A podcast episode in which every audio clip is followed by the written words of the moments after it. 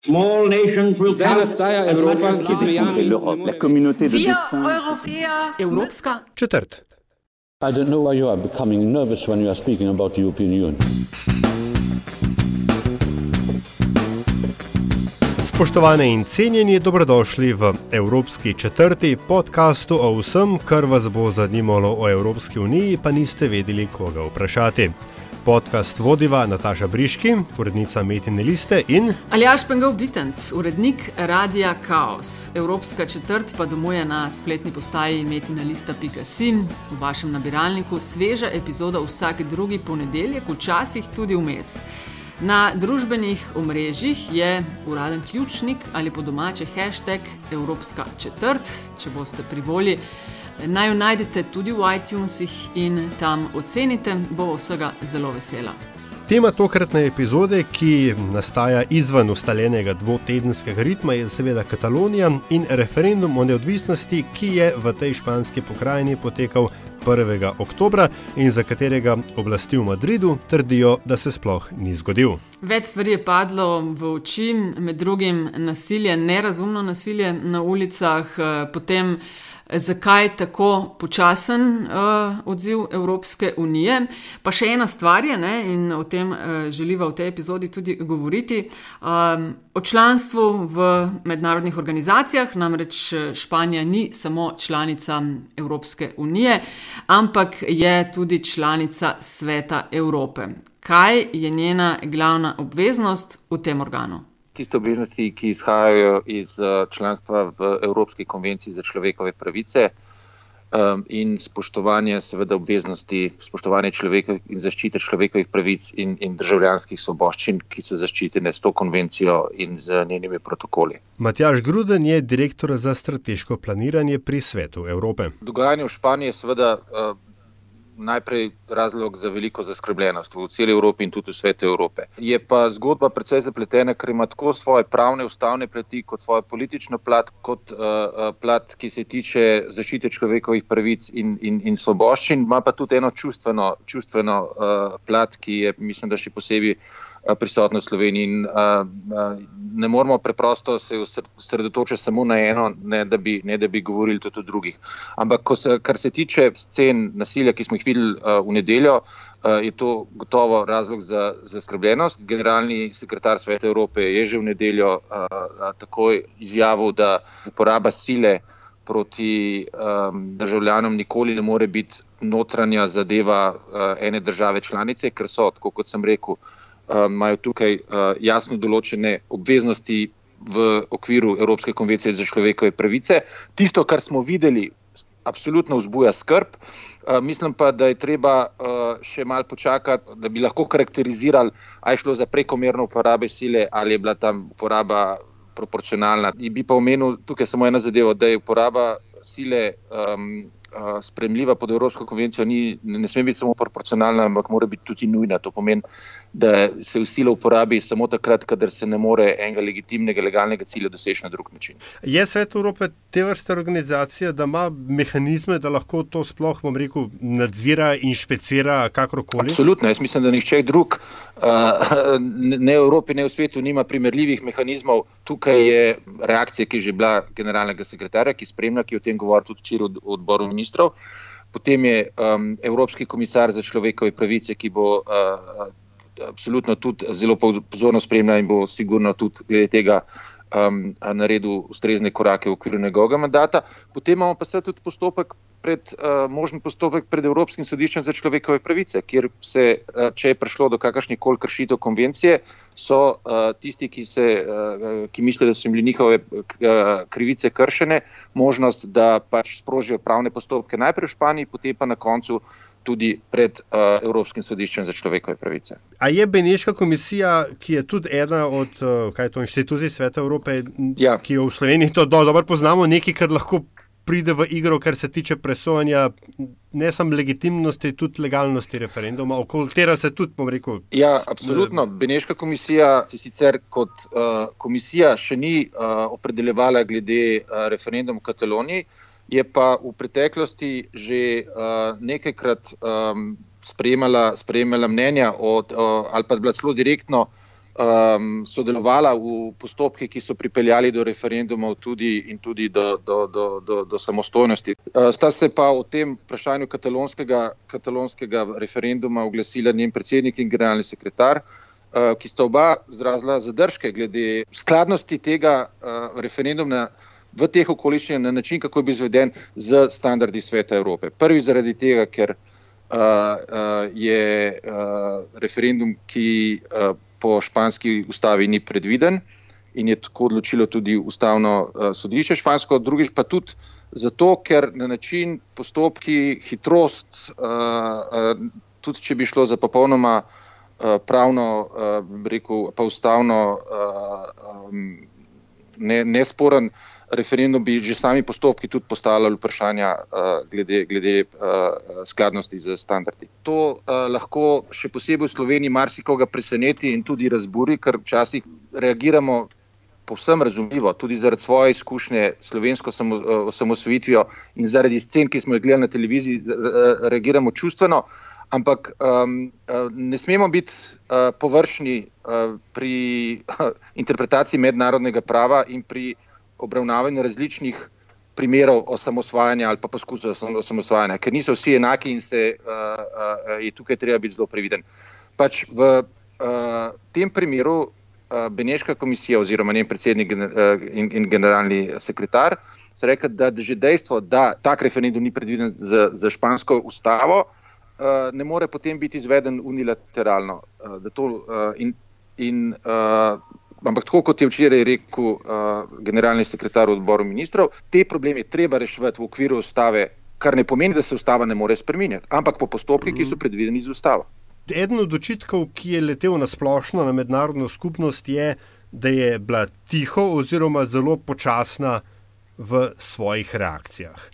Z vidika nekoga, ki dela v mednarodni organizaciji, ali so bile te reakcije res počasne ali so bile mogoče vse hitrejše kot v kakšnih drugih primerih? Težko je, je zdaj dati eno splošno oceno. Uh, vem, da je bilo veliko kritike, morda je tudi upravičena. Uh, jaz pa mis, mislim pa, da predvsem način, kako je Evropa reagirala preko svojih različnih um, teles, reagirala na to, predvsem odraža eno veliko, veliko, veliko zaskrbljenost nad tem, kar se dogaja in nad posledicami, ki jih um, eskalacija, do katere je prišlo in iz katere zdaj v trenutnem trenutku skoraj ne vidimo izhoda.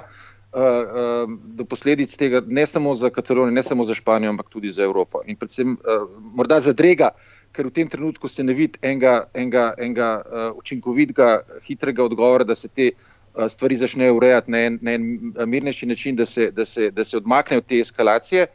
Razumem pa, razumem pa uh, lahko uh, verjetno ogorčenje, da recimo uh, slike nasilja. Eh, niso, niso, niso imele hitrejših in, in odločnejših reakcij. No, veliko kritik eh, pa je letelo na račun Evropske unije, zakaj uh, je bil odziv tako medu in predvsem tudi zakaj razmeroma pozno. There is general consensus that the regional government of Catalonia has chosen to ignore the law when organizing the referendum held last Sunday. That does not change the fact that we have all seen saddening images from Sunday. Let me be clear violence does not solve anything in politics. It is never an answer, never a solution. However, it is, of course, a duty for any government to uphold the rule of law, and this sometimes does require the proportionate use of force. We understand that people wanted to express their views. Freedom of expression is a fundamental right for all European citizens and thus for all Spanish citizens.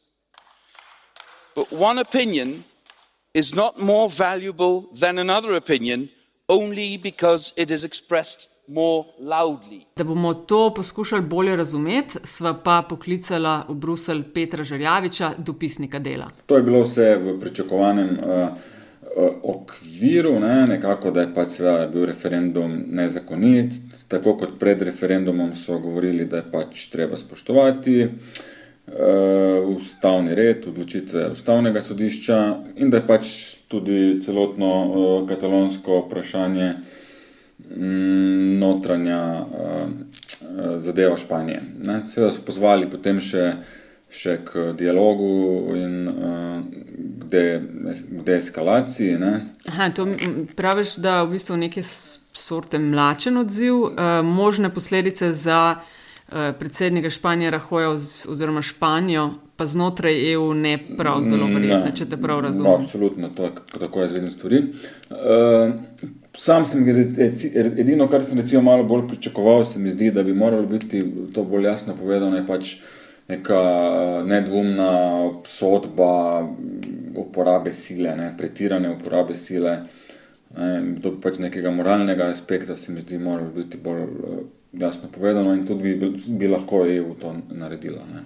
Kdo pa oziroma katere države, predstavniki oziroma predstavnice, katerih držav članic uh, so bile mogoče, če že najglasnejše, bodi si da so podprle uh, neodvisnost ali pa se zelo proti izrekle ali pa v kakršni koli obliki uh, dali kakšno konkretnejše mnenje v zvezi s Katalonijo. V državah so, članicah so enako zadrž zadržani. Ne?